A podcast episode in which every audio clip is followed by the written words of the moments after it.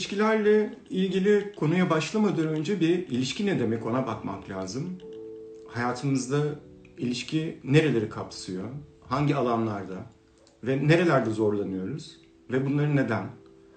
İlişkiyi acaba doğru bir yere mi konumlandırıyoruz hayatımızda ve ne kadar gerçek konumlandırdığımız yer?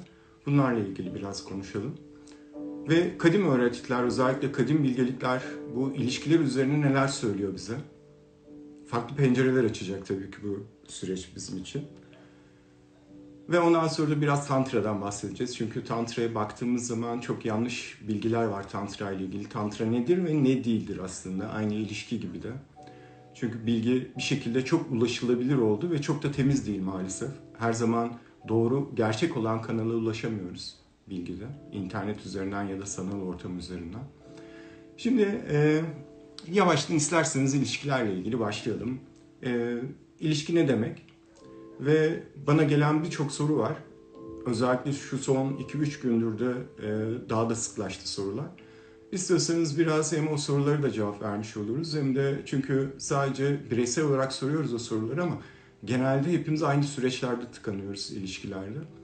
Özellikle kendimizle bile ilişki çok zorken bir başkasıyla o ilişkiyi kurabilmek, o iletişimi kurabilmek gerçekten çok daha zorlaşabiliyor. Çok daha zor olabiliyor öyle. Bir de karşı cinslerse kadın erkek ilişkileri süreci daha da zorlaştırıyor. İsterseniz bir ilişki nedir ona bakalım. İnsan oğlunun özellikle kendini bilmesiyle başlayan ta bu anne karnında başlıyor. Ee, ilk anneyle ilişkiyle başlıyor zaten. Ve anneyle kurduğumuz ilişkinin derecesi ve e, sağlıklı formasyonu tüm hayatımızı etkiliyor.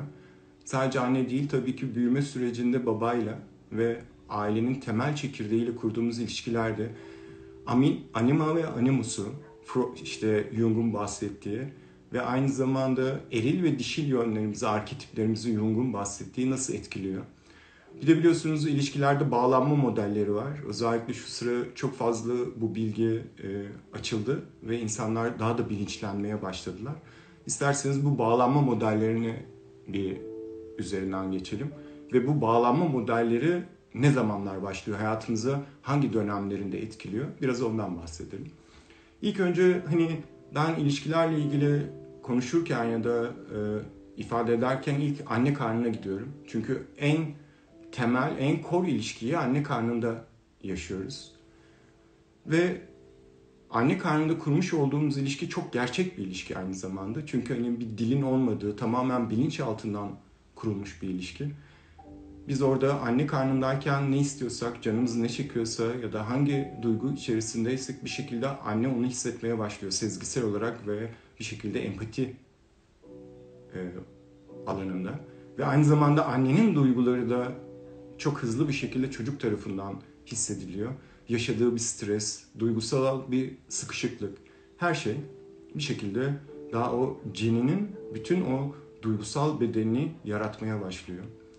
Ve e, özellikle bir de belli bir yaştan sonra da işin içine cinsiyet giriyor.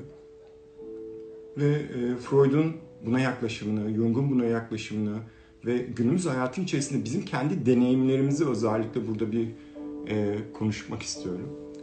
Hem size sizden gelen yorumlarla hem de sizden gelen sorularla. İlk başta ilişki o kadar temel bir yerde ki hani ben mesela kendimi hiçbir zaman spiritüel olarak ifade etmiyorum. Ben anti spiritüelim. Anti spiritüel bir mistiyim. Öyle diyebilirim. Çünkü e, benim özellikle üzerinde durduğum olay tamamen insanın kendini gerçekleştirmesi. Öyle çok fazla yüksek işte spiritüel diyaloglardan kaçınmaya çalışacağım bu söyleşide.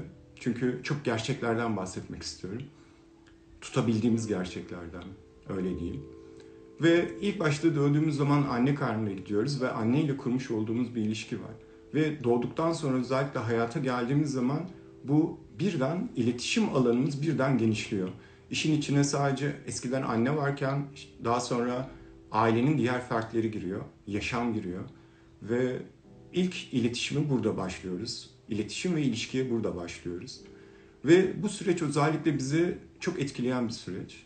keşif süreci çünkü. Bir isterseniz empati yapmaya çalışın, doğduğunuz ana gitmeye çalışın ya da doğan bir bebeği görsellemeye çalışın, imajine etmeye çalışın. O doğan bebeğin hayatı ilk keşif süreçlerini imajine etmeye çalışın.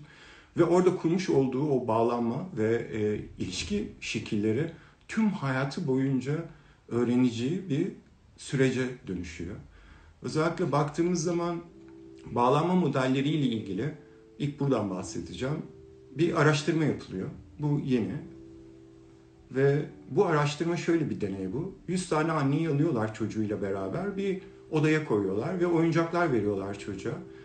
Ve 100 anne çocuk davranışını analiz ediyorlar. Ve 3 tane hatta 4 tane aslında ama 3 tane temel davranış şekli görüyorlar. Yapılan deneyde şu. Çocuğa oyuncaklar veriyorlar. Çocuk oynarken anne bir sandalyede oturuyor. Ve bir sinyali basıyor. Çocuk diyor ki sana ihtiyacım yok. Tamamen yine bir güvensiz bağlanma. Sana ihtiyacım yok. Ben kendi başımın çaresine bakarım. Yalnızım ve bu böyle olmalı. Güçlü olmalıyım bu hayatta. Ve özellikle bu tip kaçıngan bağlanma tiplerine baktığımız zaman yetişkinlik sürecinde ilişkileri şu şekilde yansıtılıyor. Duygularını çok fazla ifade edemeyen, duygularını gösteremeyen, genelde hep içine atan ve içinde sanki yokmuş gibi ya da o duyguları bastırarak hayatına bakan ben bunu yaparım, ben bunu tek başıma yaparım, sana ihtiyacım yok modeli oluşmaya başlıyor. Buna kaçıngan deniyor. Aynı zamanda bir ilişkiye giriyor ama ilişkide hep bir kaçıngan, bir mesafe var. Ve o mesafeyi her zaman koruyor. Ne içine giriyor, ne içine alıyor. Bir üçüncü model daha gözlemlemişler. Bu modelde güvenli bağlanma deniyor buna. Bu modelde şöyle, çocuk oynuyor, anne gidiyor. Ve anne bir süre sonra geri geliyor. Ve çocuk oyuncaklarını bırakıp annenin yanına gidiyor. Anne onu biraz seviyor ve tekrar dönüp oynamaya devam ediyor. Bu modelde güvenli bağlanma deniyor. Anneye güveniyor. Annenin gittiği zaman bile onun tekrar geri geleceğine güveniyor. Özellikle benim kendi çalışmalarımda gözlemlediğim bir şey var. Özellikle Tibet'te ve Nepal'de çok sık gördüğüm bir şey. Çocuklar doğduktan 2 yaşına gelene kadar anneleri onları göğüslerinin burasında bağlarlar ve her işini onunla yaparlar. İşe mi gitmek gerekiyor? Onunla gider. Yemek mi yapması gerekiyor? Çocuk buradayken o yemeği yapar. Ve çocuk sürekli bu teması yakalıyor. Çünkü oradan çok fazla ona ihtiyacı var. Oradan çok fazla besleniyor. O sevgiye ihtiyacı var. Ve özellikle bu tarz çocuklara baktığınızda, özellikle Tibet, Nepal o bölgelere gittiğinizde şunu göreceksiniz. Çocuklar hep gülüyor. Ben hiç ağlayan bir çocuk görmedim. Hepsi çok mutlu. Ve ilişkilerine baktığın zaman da özellikle yetişkin ve ebeveyn noktasında o kadar güvenliler ki ilişkilerin merkezini ya da beslenme alanını kaygı ya da birbirlerini suçlama ya da birbirlerini manipüle etme özellikle duygusal drama yoluyla manipüle etme gibi hiçbir yöntem geliştirmiyorlar. Ve batıya göre baktığımız zaman özellikle batı toplumlarında bu çok fazla. Biz de o batı toplumun içerisindeyiz Türkiye olarak. Mesela orta çağlarda İtalyanların geliştirdiği, Romalı kadınların geliştirdiği aslında bir teknik var.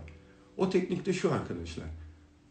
Erkeklerini evde tutabilmek için sabah erkekler evden ayrılmadan önce bitkisel bir zehir koyuyorlar içkilerine ya da şaraplarına ya da sularına. Erkek onu içiyor ve evden çıkıyor.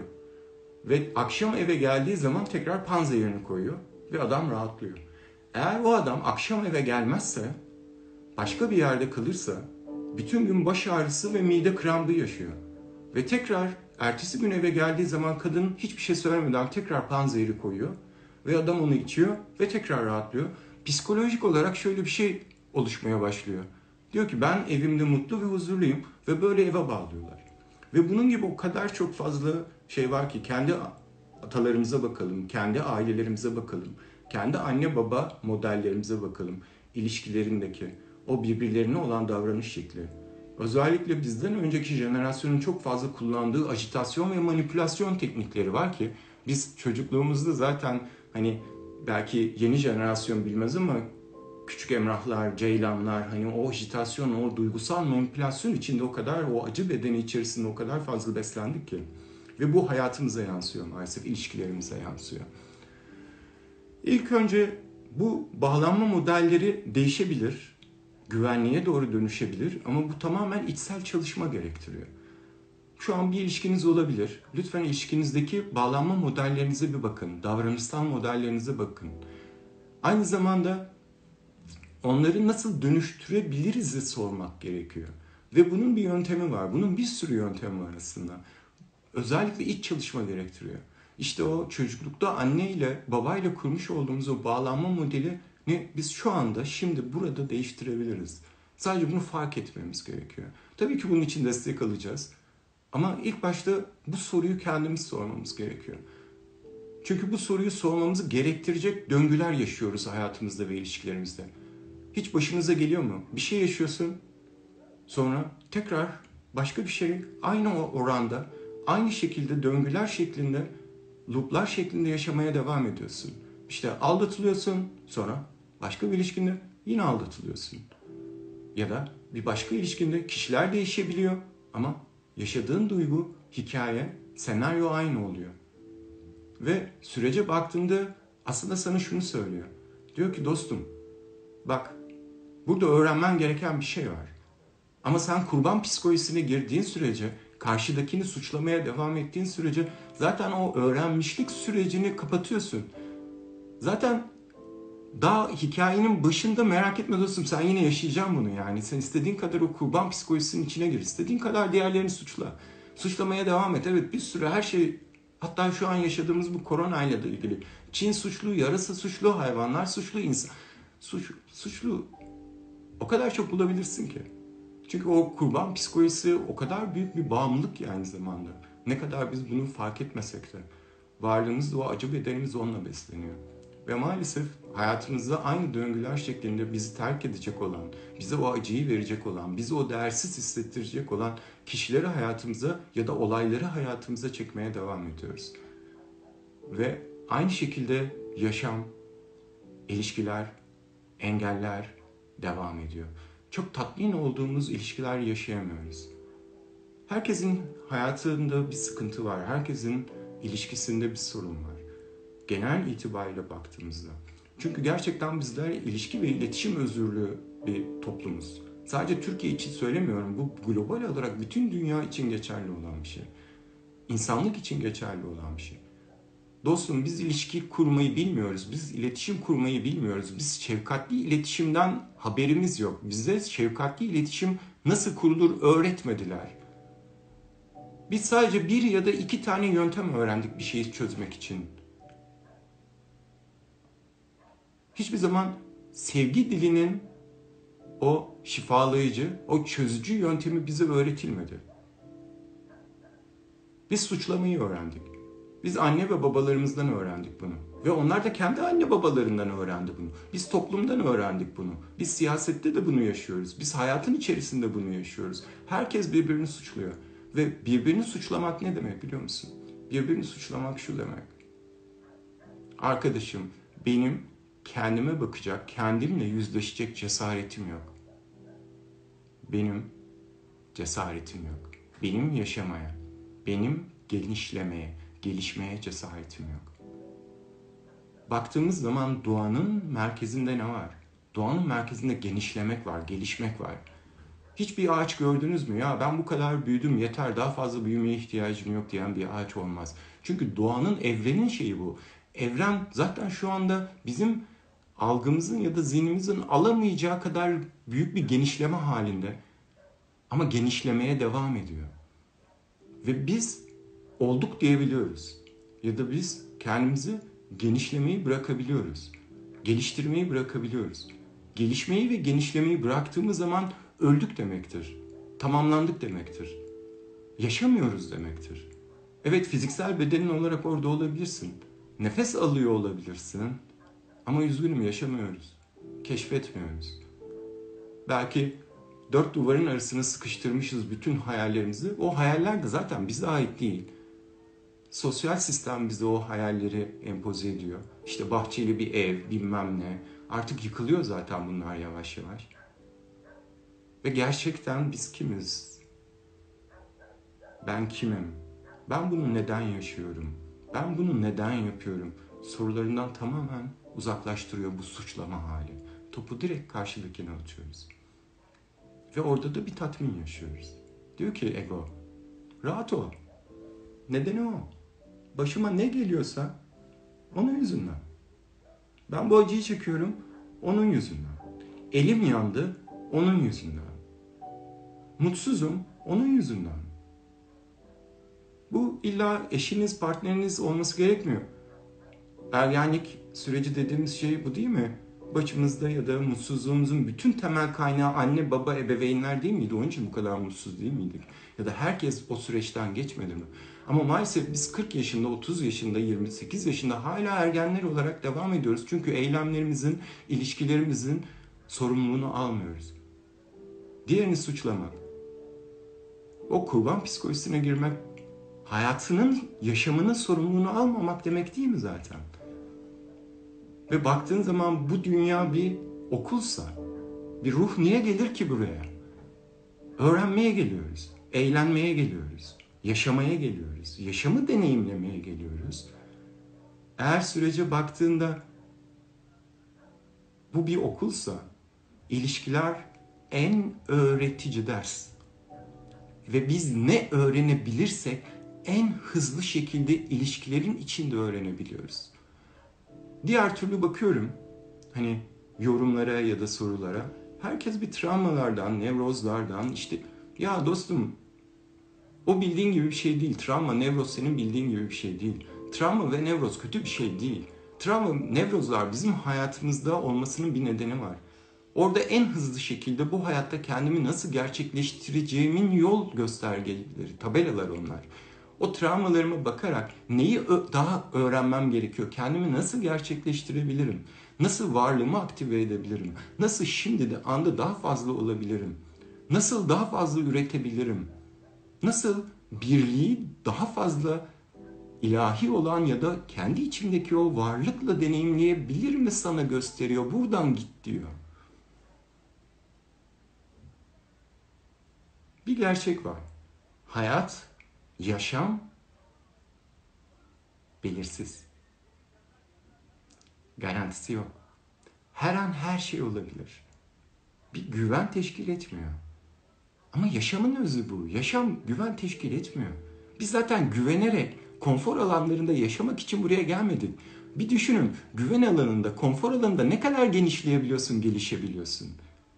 Kendini en güvenli kalelere hapset ne kadar gelişe, geliştirebilirsin kendini? Geliştirebilmen için o kaleden dışarı çıkman gerekiyor. O riski göze alman gerekiyor. Çünkü gelişim alanı o zaman başlıyor. Yaşam o riski barındırıyor. Zaten bu işin yaşam enerjisinin var olabilmesi için zaten o risk olması gerekiyor. O risk olmazsa genişleme ya da büyüme şansımız yok. Evrim atlama şansımız yok. Bu evrimi bedensel evrimden bahsetmiyorum. Ruhsal evrim. İnsan olarak evrimden bahsediyorum. Çünkü baktığın zaman insanda neokorteks var. Hayvanda limbik var. Limbik sistem beyinleri limbik çalışıyor. Limbik sistem var. Dürüst beyin. Karnı acıkırsa yer. Üremesi gerekirse sevişir. Bir tehdit, yaşamsal bir tehdit oluşturursa unsur varsa da saldırır. İnsan neokorteks, düşünen beyin. Karnı acıkmadığı zaman da yiyor.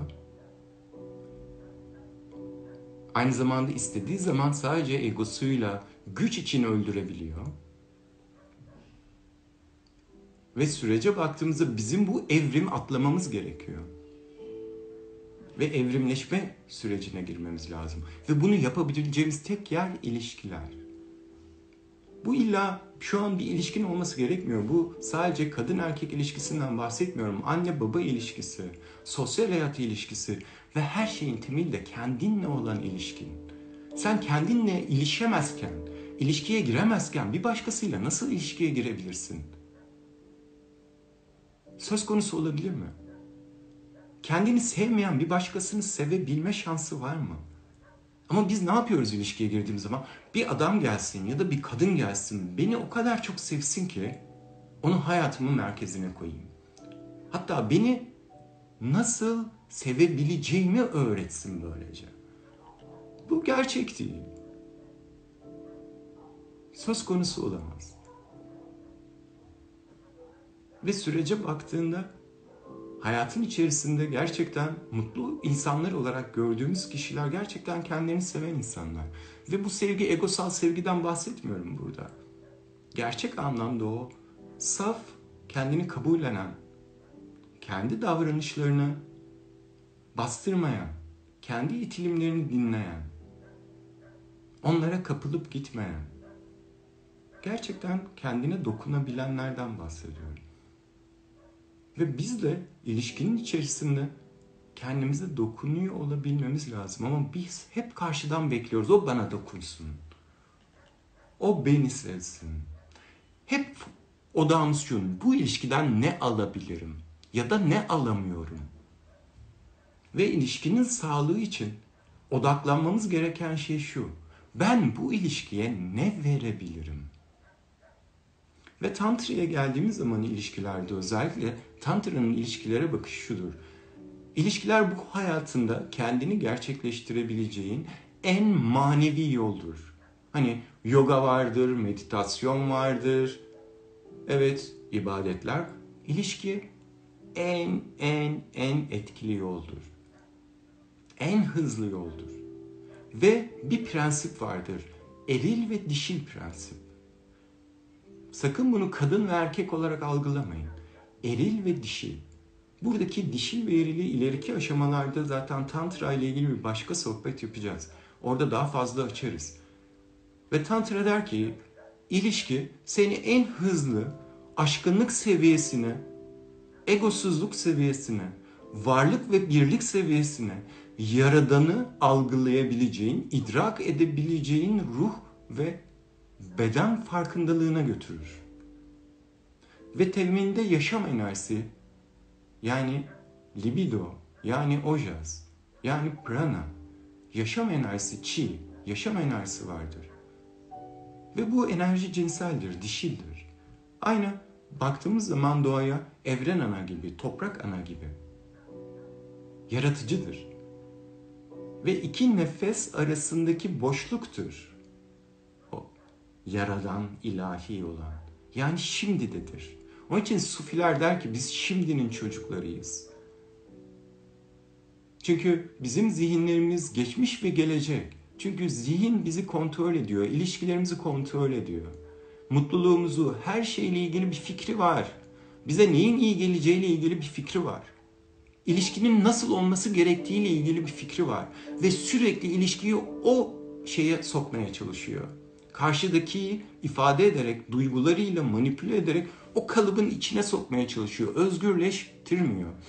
Tantra'nın ilişkilere bakışı şudur. İlişkinin içinde iki varlık ne kadar özgürse özgürlüğün anlamı da özün gürleşmesinden gelir.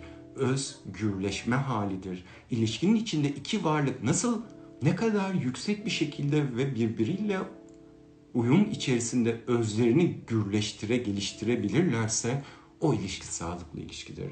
Ve bununla ilgili bir kadim öğreti var zaten. Ve biz maalesef tantra yani sadece cinsellik, işte e, özellikle haz merkezli bir sürü bir sürü yanlış algılarımız var. Zaman içerisinde bunlarla da ilgili konuşuruz ve bunlarla ilgili paylaşımlar da yaparız. Ve partnerinizle ilgili özellikle saltım noktasında verebileceğim bir meditasyon var size. Çünkü ilişki emek istiyor. İlişki gerçekten onun üzerine odaklanman gereken bir alan. Ama kendine odaklanamayan, kendine günün içerisinde 5 dakikasını ayıramayan bir insanın zaten ilişkisine çok fazla bir şey ayırma şansı yok. Ayırıyormuş gibi yapar. Sanki o ilişki ama bütün mevcudiyetinle orada olmaktan bahsediyorum tüm mevcudiyetinle o anda o ilişkinin içinde olmaktan bahsediyorum. Ve bunu yapabildiğin zaman partnerinle onun gözlerinin içine bakıp onun gözünün içinde onun içindeki o tanrısallığı Ve o senin gözlerinin içine baktığı zaman senin gözlerinin içindeki o tanrıçayı ya da o tanrısallığı görmeye çalıştığı sürece o beş dakika ve uyumlu bir şekilde nefes alıyoruz. Karşılıklı oturabiliriz. Belli bir mesafe olabilir ya da sarılabilirsiniz. Mesafe de olabilir. Gözler açık bir şekilde gözler temasta. Ve nefes. Uyumlu nefes alıyoruz. Beraber nefes alıyoruz. Ve beraber nefes veriyoruz. Beraber nefes alıyoruz. Ve beraber nefes veriyoruz. Sen nefesi onun kalbine alıyorsun. O senin kalbine. Ve o senin tekrar kalbine veriyor nefesi. Ve sen de onun kalbine. Ve bu meditasyon boyunca tek odaklandığımız şey ben karşımdaki, gönlümü açtığım bu varlık için ne yapabilirim? Ona ne verebilirim? Ve aynı şekilde karşındaki kişiyle meditasyon boyunca o gözlerinin içine bak, bakarken sürekli kalbinden ben karşımdaki bu varlığa ne verebilirim? Ne armağan edebilirim? Ve beş dakika. Çok fazla değil. Göreceksiniz. Sadece bu beş dakikalık o anda o iki varlığın o ilişkide tüm mevcudiyetleriyle bulunması bile çok farklı kapılar açacak hayatınızda.